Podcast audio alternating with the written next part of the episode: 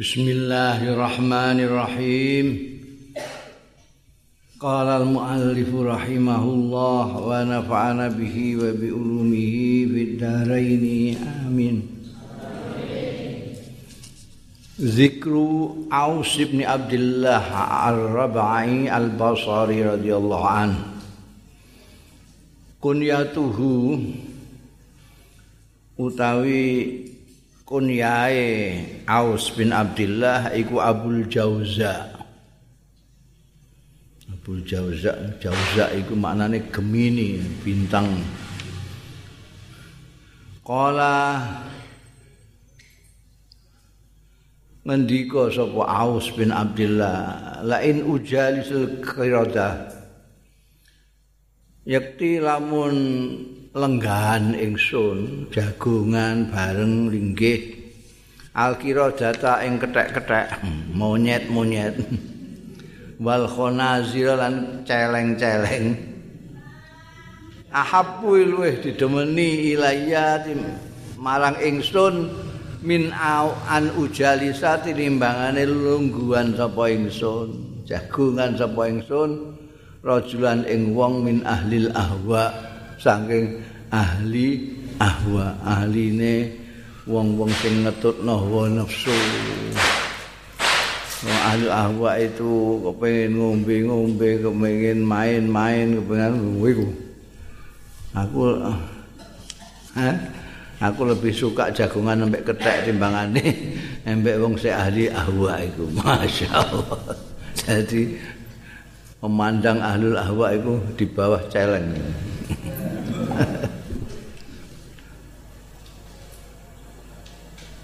Wa qala lan dika sapa Aus bin Abdullah mala antu. Ora tau nglaknati sapa ingsun. Maksude ra nglaknati saean ing wiji-wiji kotu babar pisan. Aku ora tau nglaknati wong. Wala akal tu saean. Lan ora tau mangan sapa ingsun saean ing wiji-wiji la'anahu sing la'anati ing syek sapa insanun manusa kotu ana panganan kok dilaknati karo wong aku gak gelem aku. Ora gelem mangan. Wala azaitu ahadan qatu. Lan aku ora tau nglarakno wong sama sekali. Akadan ing seorang qatu babar pisan. Ora tau aku nglarakno ati wong. Jadi ini beliau menunjukkan karakter beliau tidak pernah melaknati orang, tidak pernah makan sesuatu yang tidak disukai orang yang tidak dilak yang dilaknati orang. Orang wong do gak seneng karo sate asu, aku ya gak gelem. Aku ora tau nglarakno wong, nglarakno fisik maupun nglarakno ati. Kala ahlu tarikh ngendika sapa ahlu tarikh kana ana sapa aus bin Abdullah ana iku abidan ahli ibadah fadilan orang yang terhormat mulya kana ana sapa Aus bin Abdullah wasilu ayaman.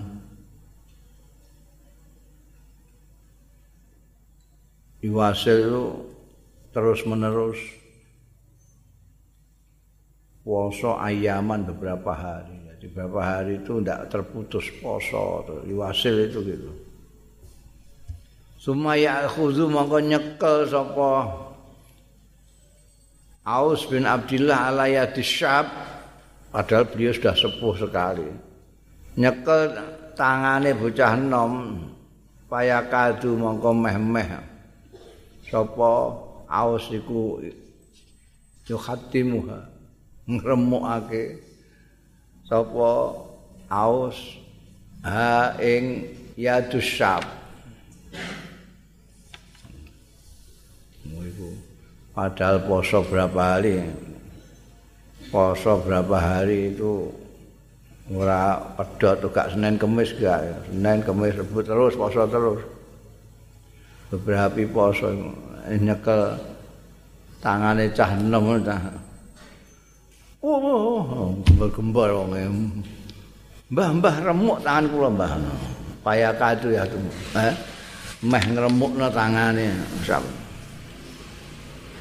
jadi sakti banget ya sepuh poso terus tapi kuwate ra karuan astane wa qala amr bin malikin ngendika sapa amr bin malik inna aba al jauza artine aus bin abdillah inna abal jauza iku lam yakdzib qattu. Tidak pernah koro qattu babar pisan.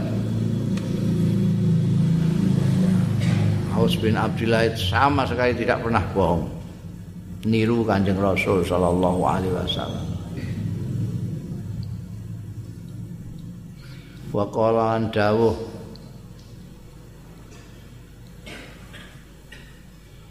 Sapa Aus bin Abdillah jawartu tetanggan sapa ingsun Ibnu Abbas. Ing Abdullah bin Abbas ahli tafsir.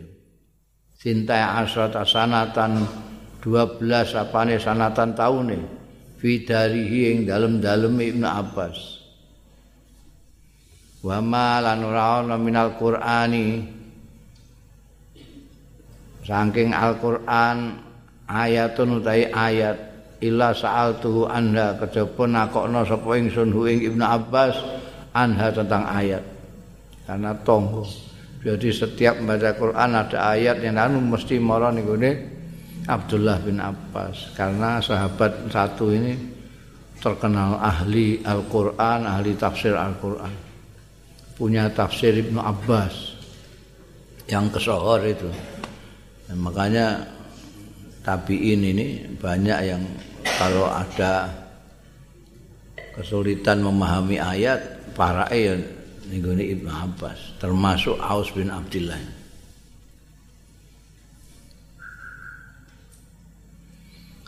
Wa qala lan sapa Aus bin Abdullah naklul hijarati alal munafiq tai mindah watu alal munafiki ing atase munafik ahwanu luwe enteng mingkira atil Quran saking maca Quran wah iki kowe cocok iki ora?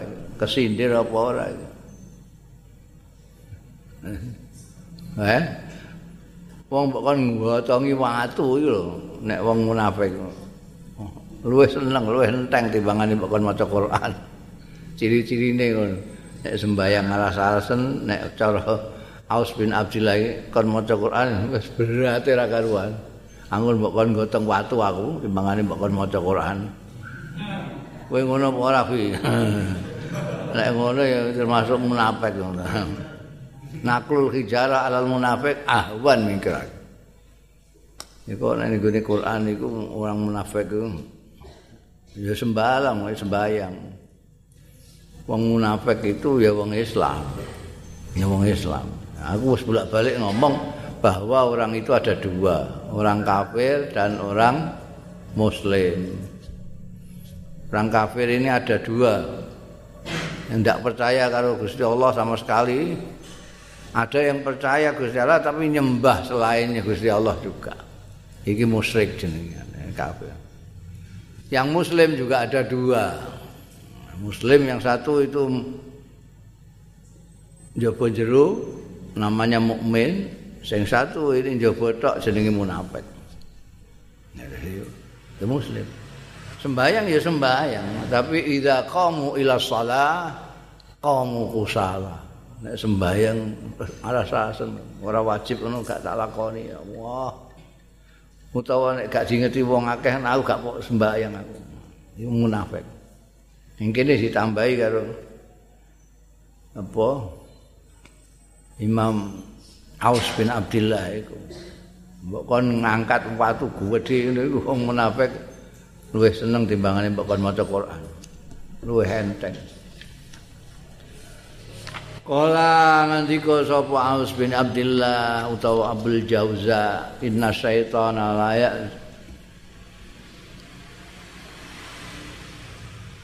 Setuhune setan iku ayak zumu yakti niat nyejo bil qalbi ana ing ati kata mayastati usahibu sehingga ora mampu sapa sahibu sing duwe kalbet sing duwe kalb ora mampu ayat kurallah yang ta zikir ya sahibu Allah yang Gusti Allah.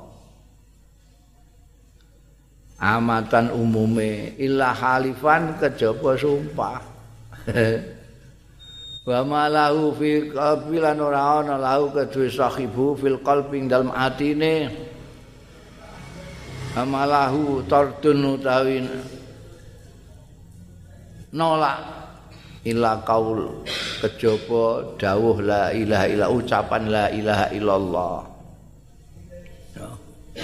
Setan itu sing gune wis kadung nggone atine wong itu. Wong iku eling Gusti Allah zikir Gusti Allah wis wabot ora tau nutur Gusti Allah ora tau kejaba akeh sumpah sumpah wallahi wallahi biasa wallahi tapi liyane sumpah iku umume ora tau nutur Gusti Allah ora tau nek wis atine diserang ambek setan itu. Dan gak ana ning ati gak ana sing bisa nolak itu kejaba kaulu la ilaha illallah. Dadi nek gak tau zikir gak tau muni la ilaha illallah. Setane ya teh bersikutat di kolbu itu. Umakara amungko mau sapa wail ya sapa aus bin abdillah.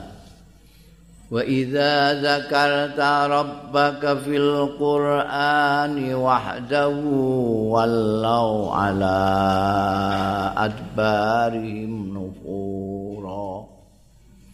Wa idza zakarta nganane nutur sira. Zikir sira rabbaka ing pangeranmu fil qur'ani dalam Qur'an wahdahu khalis wijine rabbika. Wallah do mlayu mereka setan-setan. Ala adbarihim ing atase nguri-nguri ini ate blayu cengkelak. Nufuran lawan blayu temenan ya. Gak tahu zikir ya mengeram di situ aja setan itu Bundel babul bak sekarang bak yang terakhir hamzah wis entek aus Sekarang Pak Zikru Bakrin Ibnu Abdullah Al-Muzani rahimahullah alaih. Bakar bin Abdullah Al-Muzani iki Basriyun, orang Basrah. Kana ana sapa Bakar bin Abdullah Al-Muzani. Iku yatu gawene ndonga bihadza doa kelawan iki donga. Allahumma ftah lana min khazaini rahmatika. Rahmatan la tu'adzibuna ba'da abada. Fid dunya wal akhirah. Ini amalna ya kena ya Allahumma duh Gusti Allah iftah lana mugi bika panjenengan lana dateng kula. Bika apa? Min khazaini rahmatika saking perbendaraan-perbendaraan rahmat panjenengan. Saking gudang-gudange rahmat panjenengan. Rahmatan rupa rahmat la tu'adzibuna. Kasih sayang sing dadekake la tu'adzibuna mboten nyiksa panjenengan ing kula ba'da sakwise rahmah wau abadan selawase di dunya wal akhirah ing dalam dunya lan akhirat. Wa min fadlikal wasi' lan saking kanugrahan panjenengan ingkang luas nyuwun rizkon ing rezeki halalan ingkang halal thayyiban ingkang sae La tufkiruna sing boten dadosaken fakir panjenengan ing kula. Ingsun ba'dahu sakwise rezeki kala wau. ila ahadin siwa butuhake datang seseorang siwaka sak lintune panjenengan abadan selawas-lawase. Tuzinduna nambahi panjenengan ing kita ing kula bihima kelawan. Kalau wau peparing panjenengan rahmat lan rezeki wau syukron ing syukur. Wa ilaika lan dateng panjenengan fakotan. Ing fakoh butuh wa faqran ya butuh padha maknane faqah memerlukan dan membutuhkan.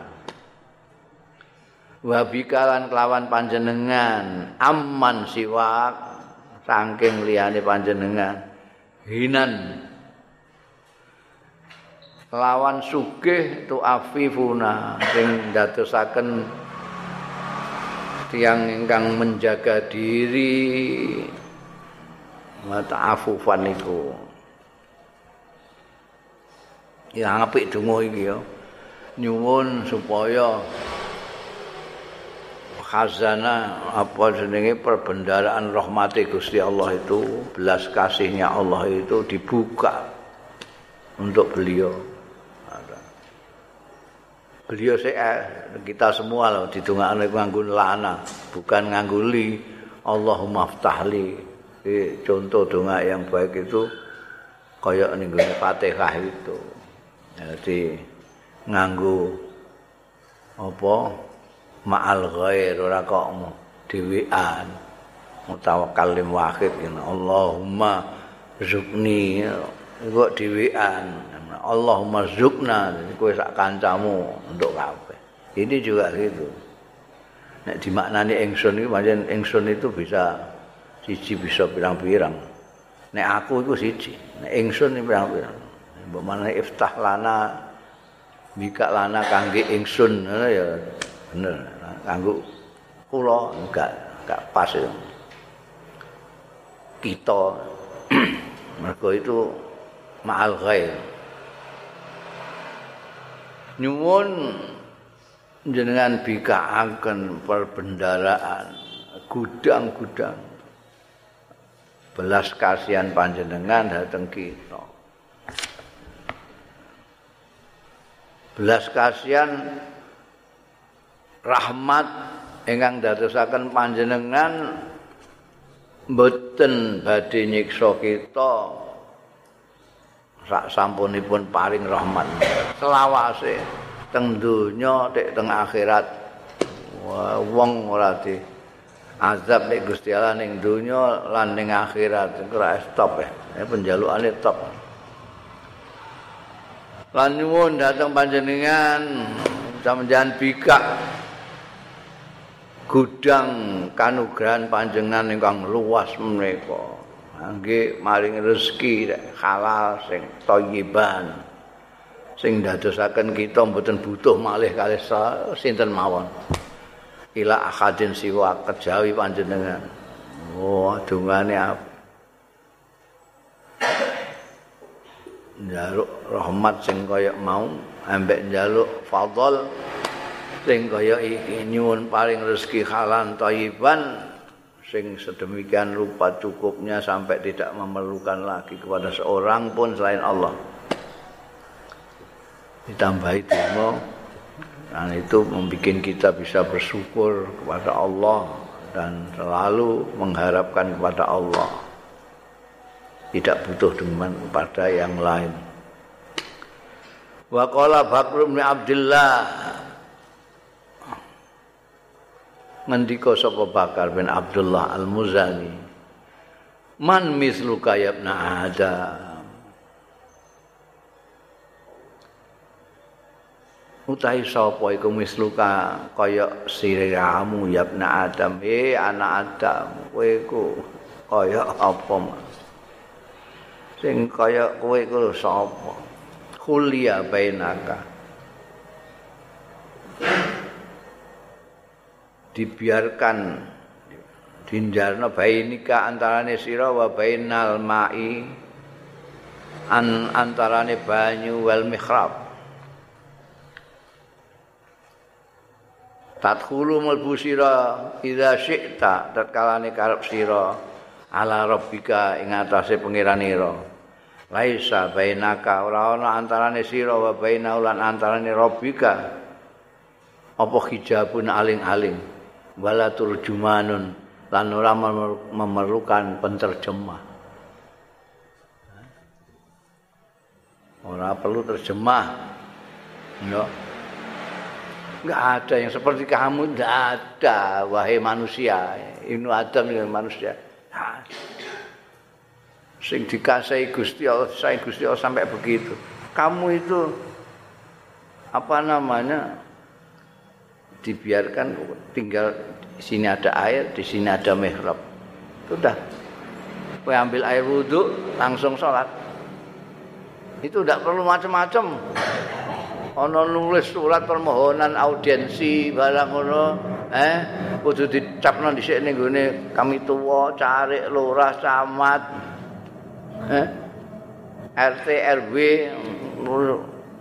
agak diaturno Pak Bupati lagi Pak Bupati nimbang-nimbang kowe iku iso ditampa ta ora potong ngamung ngono.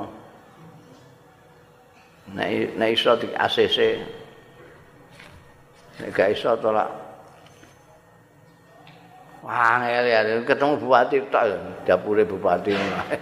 Iku wangel ya karo. Nek percaya jajal medaya kula nuwun. Eh. Gusah kowe mbek satpam. kula nuwun kula nuwun gangune omahe lekmu apa meneh kok gubernur apa meneh presiden wis macam-macam tanda tangan itu rong puluh mulai kok RT RW cari lurah camat pendur Ya iki ora kowe iki ora trimo presiden. Kowe presidene presidene presiden. Pangeranmu. Ya kowe mau trimo jeding anggar jeding anggar. Bainal mak wal mihrab. Nah, tempat sembayang ambekan tempat duduk. Wis iku tak bariku sak kayangmu kowe insik ta'ala rabbika. dengan Tuhan sak karepmu ora ana hijab ora ana tanda tangan barang ora ana sekretaris ora ana ajudan ora perlu terjemah ora perlu sing derekno barang eh, kowe ketemu pejabat iku wis nggawe surat macam-macam iki kudu mbok diterno karo wong sing cedak pejabat iku gak gak iso. Hmm. Iki Gusti Allah ngono tok ae kowe iku kowe iku pangkatmu apa? Man misluka ya ibn adam. Gak ana sing kaya kowe gak ana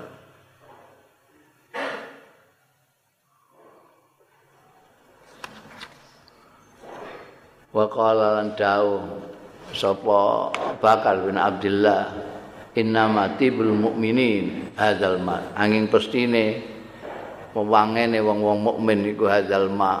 Eh? Kowe ora tau adus. Pi? Ya berarti padha ora karo wangen blas. Mau ciri-cirine wong mukmin, wong muslim itu kan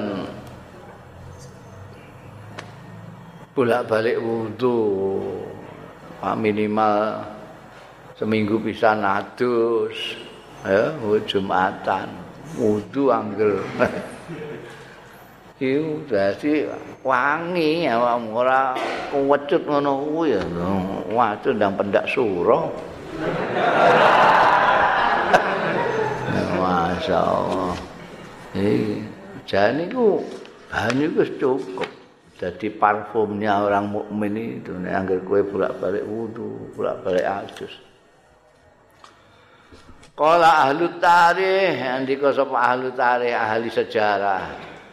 Kana Bakr bin Abdullah ana sapa Bakar bin Abdullah iku abidan ahli ibadah seperti aus fadilan tur terhormat utama ditambah lagi mujabat dakwati muandi dungane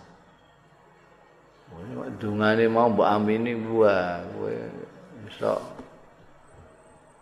Katut kowe Wa min kalami Bakr bin Abdullah lan iku termasuk pengendikane Bakr bin Abdullah kala ngendika sapa Bakr? In uridolaka iblis in aradolaka iblis lamun menampilkan laka marang sira sapa iblis iblis bi anna laka kelawan seduhune sira bi anna laka lawan setuhune iku kedue sira fadlan ana keutamaan ala ahadin ngungkuli ing seseorang min ahli Islam. Saking ahli Islam fandur mongko pertimbang pertimbangkan. Fandur mongko ningalono sira. Pak ingkana akbar mingka mongko lamun ana sapa ahad ana iku akbar luwih tuwa mingka sange sira fakul mongko ngucap sira. Niku iblis mau. Sabakoni disiki sapa akad ing ingsun bil imani kelawan iman. Wal amali shalih lan ngamal saleh. Wa huwa mongko utahe akad iku khairun luwih bagus minni tinimbangane ingsun. Wa ing kana lamun ana ya akad ana iku asghara luwih nom mingka tinimbangane sira. Pakul mongko ngucap sira sabaqat sabak tu disiki sapa ingsun hadza ing iki ahad bil maasi kelawan pira-pira maksiat wa dzunubi lan dosa-dosa. Was taujabtu lan khai sapa ingsun al uqubata ing hukuman. Bahwa mengkau teh akad iku khairun mini berarti lebih bagus mini timane ingsun. Wa fi riwayatin aniku kesebut ana riwayat redaksine iku irtakab tu minazumu. Nglakoni sapa ingsun minazunubi sangke pira-pira dosa. Aksara ingkang luwih akeh mimartakaba tinimbangane sing nglakoni sapa akad berarti fahuwa mongko dai akad iku khairun luwih bagus minni tinimbane ingsun. Oh iku nasekate ya. Wah apik nasihat nek setan iku mbujuk kowe ngandani kowe mesti lebih hebat dari itu padha-padha santrine tapi kowe kan lebih hebat iku senengane setan mulane ana wong terus ngenyek wong ngremehno wong iku mergo ndekne kepencet mbek omongane iblis iki Oke iblis senengane ngono kuwi. Wah, kowe hebat dhewe sak. Kampung gak ono kaya kowe. Nek kenek ya gemlelengan terusan. Gemlelengan. Nek dibandingno karo wong padha-padha calone kowe iku hebat dhewe. Mesti ngono kan. Kono ya diomongi ngono kene diomongi ngono. Di kono ngenyek kene kene ngenyek kene. Iki diwarai kowe ambekan Bakar bin Abdullah iki. nek setan iku ngono kandhani nek sing dijingi ndikne kowe luwe HP timbangane wong iku wong iku terus jawab wong iku iku nek luwih tuwa omongi wong ndikne iku imane dhisik ndik ngamal saleh dhisik ndik berarti ndikne luwih HP timbangane aku kowe muni aku luwih utama timbangane ndikne iku piye Lah nek sing dikonokno iku dibandingno karo kowe iku cah enom. Kowe mu kowe muni. Ndikne durung berdosa, aku sudah berdosa. Aku wis mulai nglakoni dosa ndikne urung. Berarti apik ndikne timbangane aku. Walhasil kita ini diajari ojo ngedekno awak tapi nek perlu merendahkan dengan orang lain. Kono luwih nom ya muni ini durung nglakoni dosa aku wis nglakoni dosa pirang tahun. Nek luwih tuwa kono wis ngamal soleh pirang tahun aku pakai ecek-ecek gitu. Dengan demikian ujub sombong barang itu hilang dari hati. Eh, eh wa in ra'aita ikhwanaka minal muslimin yukrimunaka iku apik untuk apa jenenge? Sesrawungan ning masyarakat iki apik nasekate Bakar bin Abdullah. Wa in ra'aita lamun ningali sira ikhwanaka ing kanca-kanca ira minal muslimina sing wong-wong Islam. Mbok tingali yukrimunaka padha mulyakno ing sira. Wa yusalluna kalan padha ndongakno ya ikhwanu kakak ing sira wa yu'azzimunaka lan padha ngurmati mengagungno ya ikhwanuka ing sira. Fakul mongko ngucap sira. Hadza fadlun. Iki keutamaan akhadhu sing ngalap ya ikhwan bihi kelawan hadza. Jadi kowe jadi kowe nek ana sing ngelem kowe ana sing ndongakno kowe ana sing memuja-muja kowe. Kowe ngomong ning gone awakmu. Iki keutamaan mereka ya begitu itu. Wong kaya aku ngene kok dimulyakno wong kaya aku ngene kok digunggung saking fadhole mereka mereka itu orang-orang apik. Jadi yang dilihat yang positifnya orang Pak in ra'aita minhu jafaan. Sebaliknya Pak in ra'aita mongko lamun ningali sira minhum saking ikhwanuka jafaan ing jafa jafa itu ora ramah ora ora nyanak ora anu kowe nek geneman yo kasar nek ketemu kadang-kadang ora ngaru-ngarui bareng jafa ngono iku apa jenenge dingin. Orang kok dingin yang itu sama saya malah dingin. Dingin ya. Padahal Jawa Jawa itu asal maknanya kering.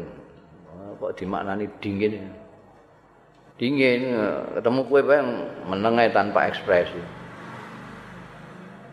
Lho nek anu wong ape kan Masya Allah konti eh oh, ramah gitu. Iki gak ketemu wong kanca ketemu metutut ae.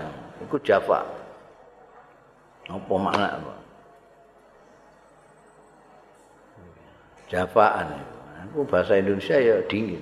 Kalau kamu lihat mereka itu bersikap dingin, wangkibadon dan ingkibat itu jeketut tidak terbuka, tidak apa jenenge tidak gerapya, tidak sume, tidak kayak kayak biasanya kawan. Dengan kawan biasa ya, ketemu ya wah. Oh tidak? Masya Allah kok nambah ganteng aja ngono.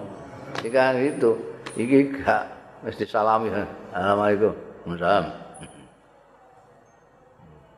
kayak menengah hmm hmm dilok no menengah hmm mana tak buka nih dindi hmm hmm. Gede-gede tak dapat dingin beda karo sing mau. Sing mau iku karimunaka salunaka wa yu'azzimunaka wa temu langsung. Ya Allah aku ngipi apa? Keberkahan rawuhmu kan ngono. Iki gak. Nek sing jafa ambek ing kibat iki fakul kowe ngucap ning Ada zambun utaiki ku zambun dosa ahdas tuka sing gawe sapa? Ingsun ing oh, ngono. Dadi nek kira-kira ana kancamu kok ngantek Java ngantek dingin terhadap kamu kamu harus mawas diri. Ini mungkin saya punya dosa ya. Oh, tapi nek mulia awakmu ini karena baiknya kawan itu bukan karena baik saya. Kalau bukan baik mereka itu masa orang seperti saya jadi mulia no itu oh, itu sikap yang rendah hati.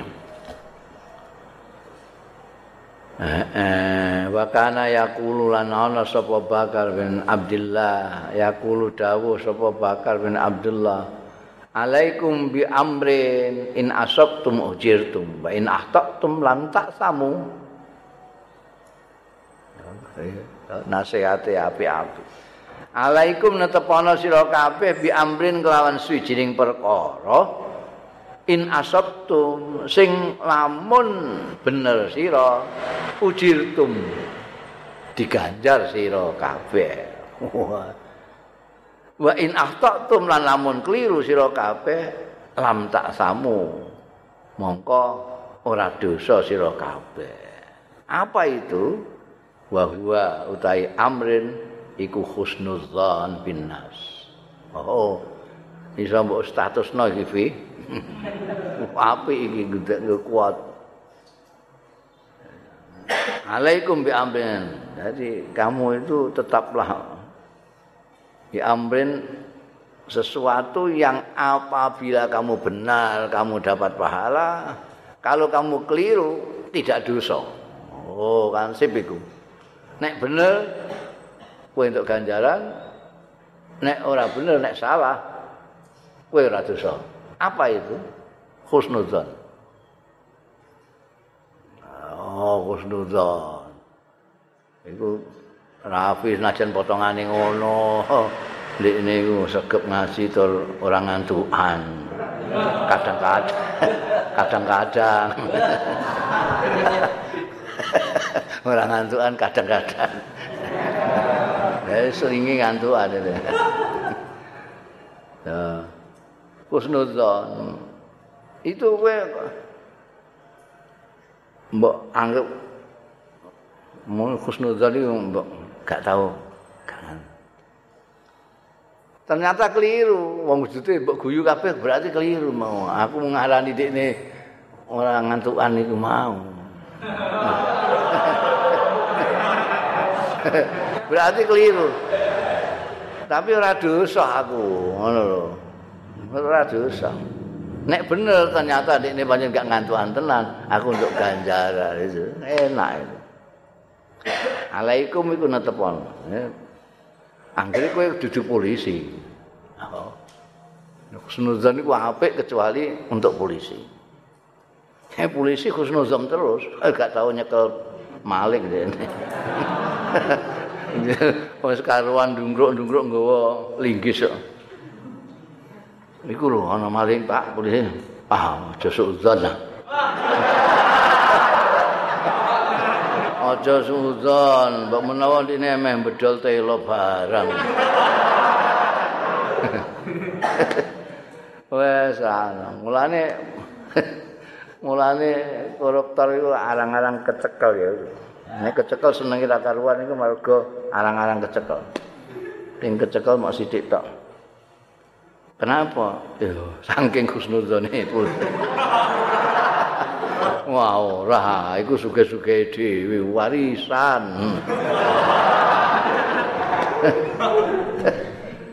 Iya. ya Allah. Wa iyyakum lan wedya sira kabeh iku mau alaikum iku artine kowe kudu netepi iku mau. Nek iyakum aja ngantek. Iyakum wedya sira. Wa kula amrin ing saben-saben perkara in asabtum lamun bener sira lam tu jaru. Ora diganjar sira. Wa in akhtatum lamun keliru sira asimtum mongko berdosa sira. Gak ana terus ya. Hmm. berarti kebalikannya mau nek husnuzan yakum bakul amrin in asabtum lam tujar wa in akhtatum asibtum ngrasani wong. Ngrasani wong iku perkara sing nek kowe bener sing mbok rasani iku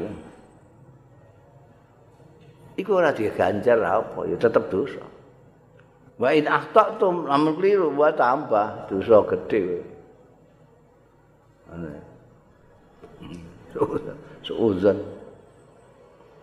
Wah, niku an kari-kari bener. Ora ora di ora ana sing ganjar, gak diganjar gak apa. Keliru malah dosa. Ini ada dua hal yang berbalikan. In asabtum ujirtum mau, embean in asabtum lam tujar. Api ini, ya. Rumus status api ini. Tapi aja mbak akoni kuwe. kayak kurung bakar bin Abdullah mau. Wa qala Bakrun innallaha la yujarri'ul 'abdal mirara. Lima yuridu fihi min salahi akibatihi. Setune Gusti Allah iku la yujarri'u yakti nglogokake.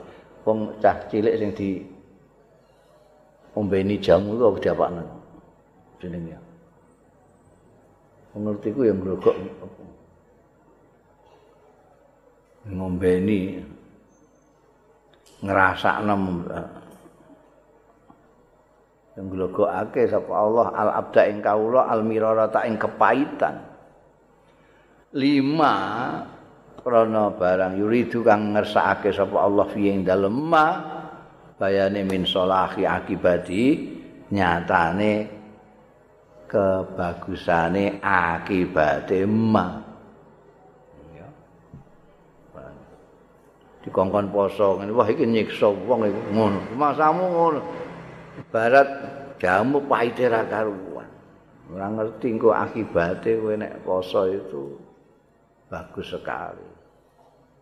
Engkau dirasa dikon ngrasakno pahit untuk akibatnya nanti baik untuk kamu. Itu Gusti Allah. Gitu. Amaro aitumul mar'ah. Ana to ora ningali sira almar'ata ing wong wadon tujari walada iku memberikan iku mau nglogok walada ing anake mar'ah asib bro. Ke asab bro ya. Asab bro sabar. Jadam nek cara kene dadi jamu pahit. Biasane nggo ngobati gudik barang itu awil hadat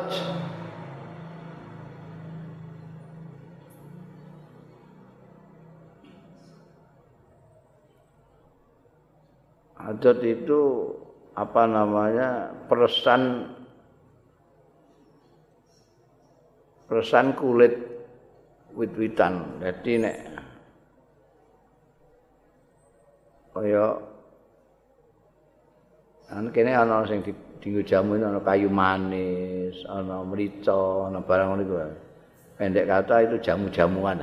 Adat itu kulit diperas dinggo jamu ni bocah. ya bocah anak-anake dhewe kok dipuakani pahit-pahit ngono iku apa? Lho, turidu ngarepake ya mar'ah akif afiatahu ing kesehatane walad.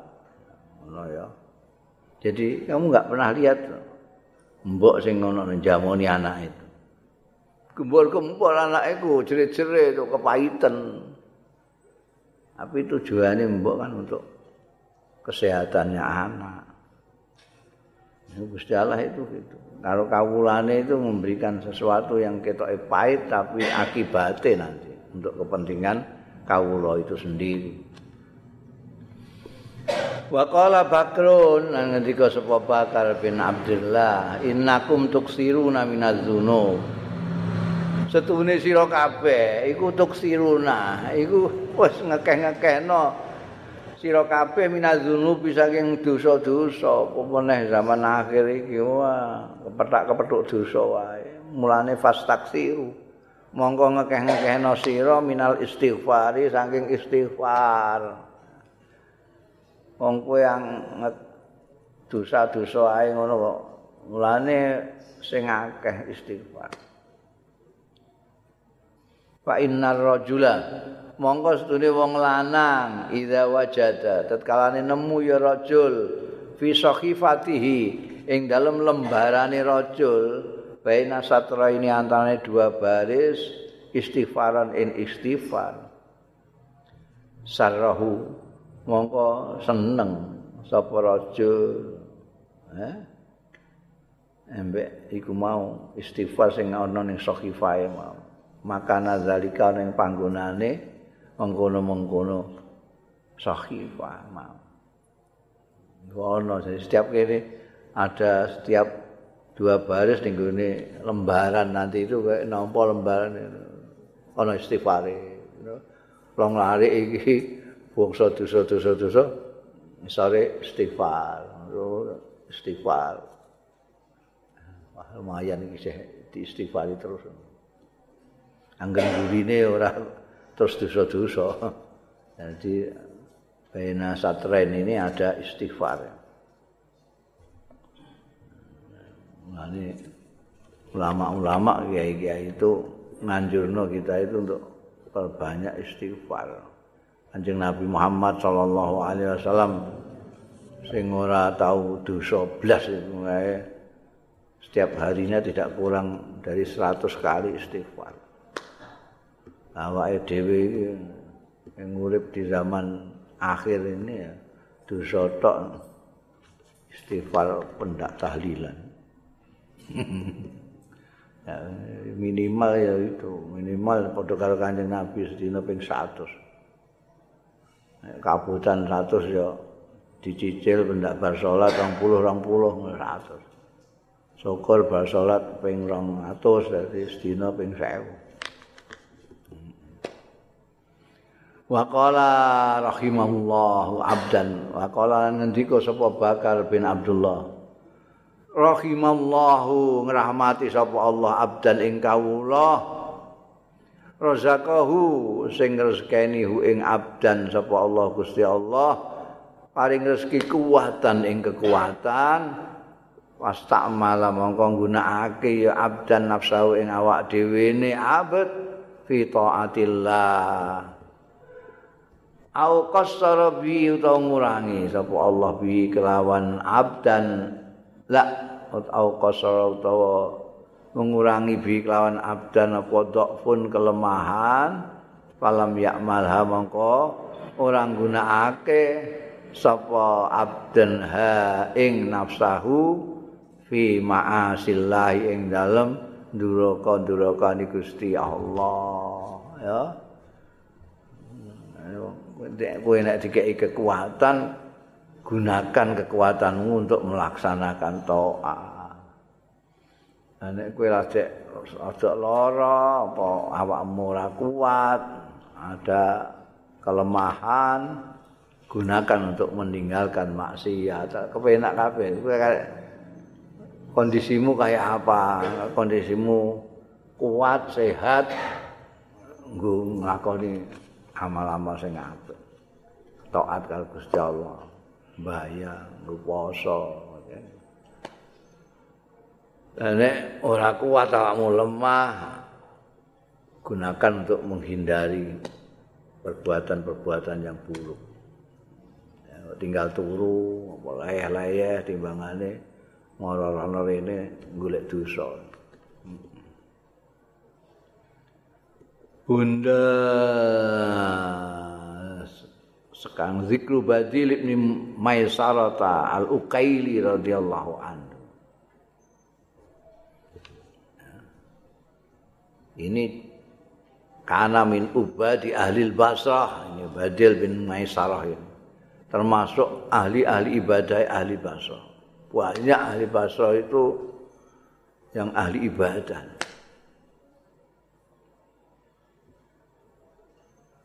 wa qala badil ana sing maca badil ana sing maca budel asiamu utai poso iku qalul abidi. Poso itu sebetulnya senjata untuk ndongkele wong wong sing ahli ibadah. Wa qala man arada bi ilmihi wajhallah lan dawuh sapa badil man arada te sapaning wong sing ngarepake yeman bi ilmi kelawan ngilmune wong. Ngarepake wajhallah ing zate Gusti Allah taala. Akbar Allah alaihi maka madhep sapa Allah alaihi ing atase man biwaji kelawan zate Allah dhewe. Wa akbalalan madhep bikulu bil ibad kelawan kalbu-kalbune kawula ilaihi ngadepake wa akbar madhepake bikulu bil ibad ilaihi marang Allah. Wa man amila sapane wong sing ngamalno ya man li ghairillah kanggo liyane Gusti Allah. Sarrafallahu mongko nginggokake sapa Allah anhu saking man wajau ing zate Allah wa sarrafa bi qulubil ibad anhu. Lan nginggokake sapa Allah bi qulubil ibad. Kelawan ati-atine kawula anhu saking man iki pentinge kowe golek ilmu sampai kowe duwe ilmu kowe duwe mulai golek ilmu sampai engko ngamalno ilmu iku kudu dengan tujuan wajah Allah taala. Golek ridane Gusti Allah. Nek kowe golek ilmu atau ngamalno ilmune kowe dadi wong alim terus ngamalno ilmune itu juga harus liwat jillahi ta'ala. Nek ngono Allah akan madhep kepada kamu. Dan madhep no kawula-kawula diadhepno ning gone kowe kabeh tapi nek ora krana ridane Allah ora krana Gusti Allah taala ya Gusti Allah memalingkan zatnya dari kamu dan memalingkan orang-orang dari kamu. Wong-wong gak sing seneng kowe. Ketara nek kowe tukmu golek ilmu, tukmu ngamal ora krana Allah, tidak ikhlas ati. Ya mulane wong-wong sing beramal tidak ikhlas itu orang-orang enggak seneng. Karena memang Gusti Allah sarrafa qulubahum Zikru Bakr bin Qais Nek apa kok diselan-selani kalau Badir bin Maisar Buka di barengna Bakar sing bin Abdullah mau ya Foto-foto bakar ya Zikru Bakr bin Qaisin kunyai Abi Siddiq An-Naji radhiyallahu anhu. Bakar bin Qais itu juga min ib, min ubbati ahli Basrah. Termasuk ahli-ahli ibadah wong Basrah. Beliau juga rawi yarwi riwayatake sapa Bakar bin Qais an Abi Sa'idin Al-Khudri. Saking sahabat Sa'id Al-Khudri yang banyak juga hadisnya. Di antaranya rawinya kita menerima tidak langsung dari Abi Said tapi melewati Bakar bin Qais. Mata kapundut ya Bakar bin Qais sanata saman wa mi'atin. Tahun 108 Hijriah. Kala Abu Siddiq An-Naji, artinya Bakar bin Qais, itu kunyahe. Kharaja Sulaiman bin Dawud miyas sapa Sulaiman bin Dawud alaihissalam yastaki Arab istisqa nyuwun siraman saka Gusti Allah taala istisqa Beliau sebagai penguasa terus pacek lek gak ana udan maka beliau keluar untuk istisqa. Pamarra mongko lewat sapa Sulaiman binamlatin nglewati binamlatin kon semut. Kan lewat ana semut mustalgia binamlatin mustalgiate sing lagi epleh-epleh semut epleh-epleh kok iso konangan ya? Sampai Sulaiman itu duh. Semut epleh-epleh kowe roh kowe wis gak roh. Semut sama-sama ya mlaku terus ngono kae. Ber ber ber ber. Utawa tengok-tengok atau melayu iki epleh-epleh nostalgia. Epleh-epleh iku mergo ala zuhriya gak ana epleh-epleh Nah, epleh-epleh ngatasi wetenge ya jenenge mengkurap. Iki ngene iki apa? Balikane mengkurap iki apa? Hah? Wah. Ngelegereng. Ngelegereng. Kok kaya Bangladesh kan bahasane. Aku lagi iki ngelegereng. Ora takokno wong Batang, ya ana apa gak ya. Apa kuwi? Hah? Ngelegereng. Duh. Ah, niru-niru ae. Kekereng. Sami jadi. Iya, Ci. Kowe padha kekereng. Hah? melumah melumah nglegereng itu bahasa Bangladesh itu Bangladesh Bangladesh mbek Batang mbek Tuban.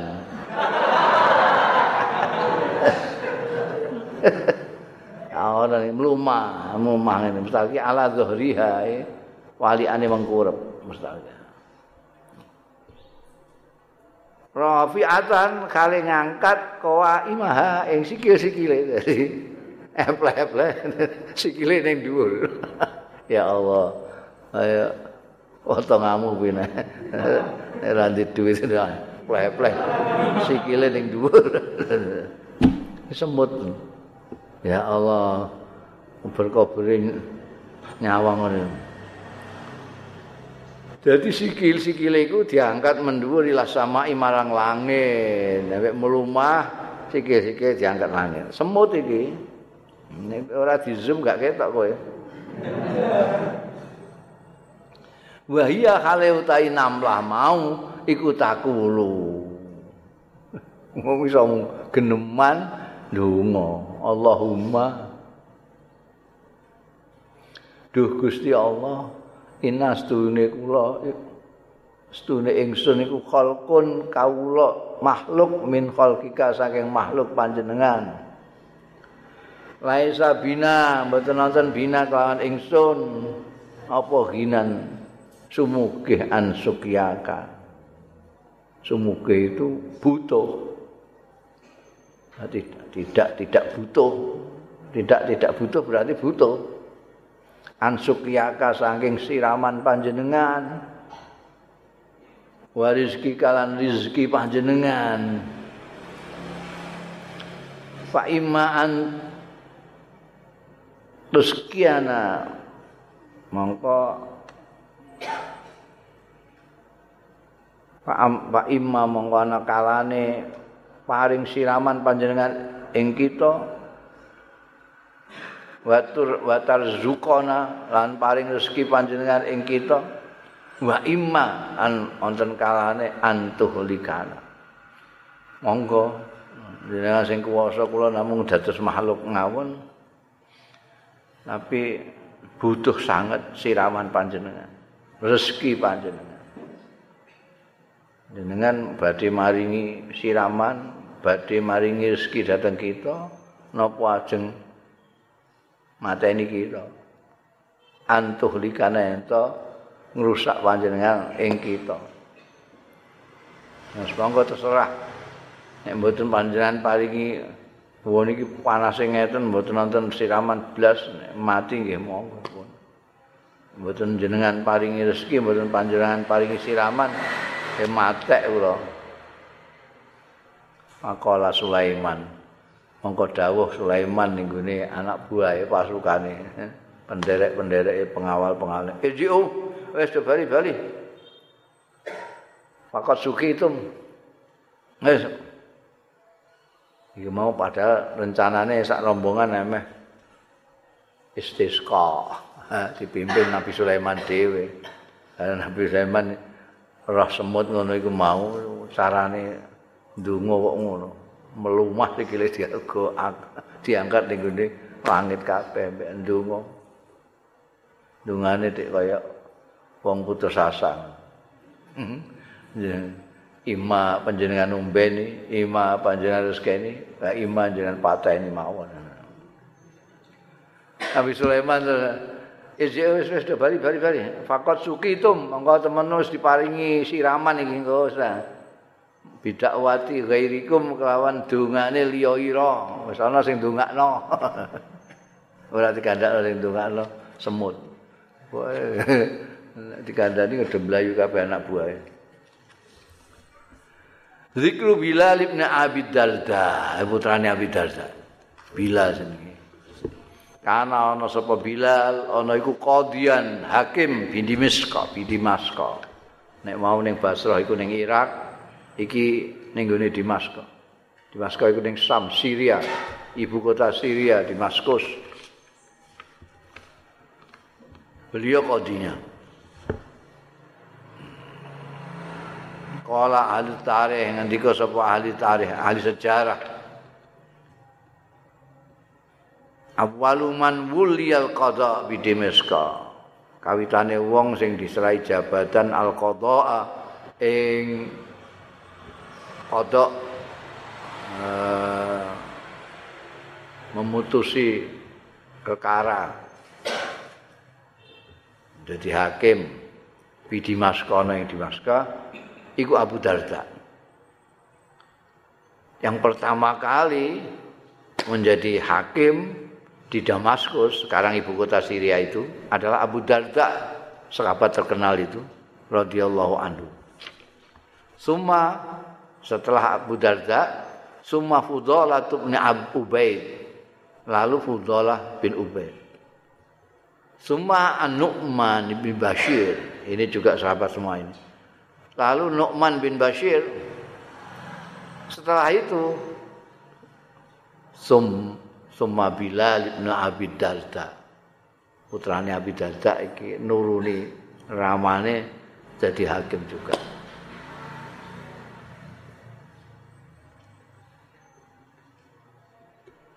Alam Mas bareng diangkat sebagai penguasa sapa Abdul Malik bin Marwan, Abdul Malik bin Marwan ini salah satu raja dinasti Umayyah yang dimulai dari Muawiyah bin Abi Sufyan. Ketika rajanya itu Abdul Malik bin Marwan azala mongko mecat sapa Abdullah bin Marwan bilalan ing bilal wa wallalan ngangkat sapa Abdul Malik bin Marwan aba muslimin ing abamu Abu Muslim Al dari Abdul Malik bin Marwan rojo ketika diangkat dari raja langsung Bilal di ganti dengan Muslim Al Khawlani Ruya dan diwatake anhu saking Bilal sapa ahli Syami ahli Syam. Jadi kalau ahli Syam tahu hadis-hadis itu dari Kanjeng Rasul sumbernya itu dari Bilal bin Abi Darda. Zikru Bilal bin Sa'ad. Wallahu a'lam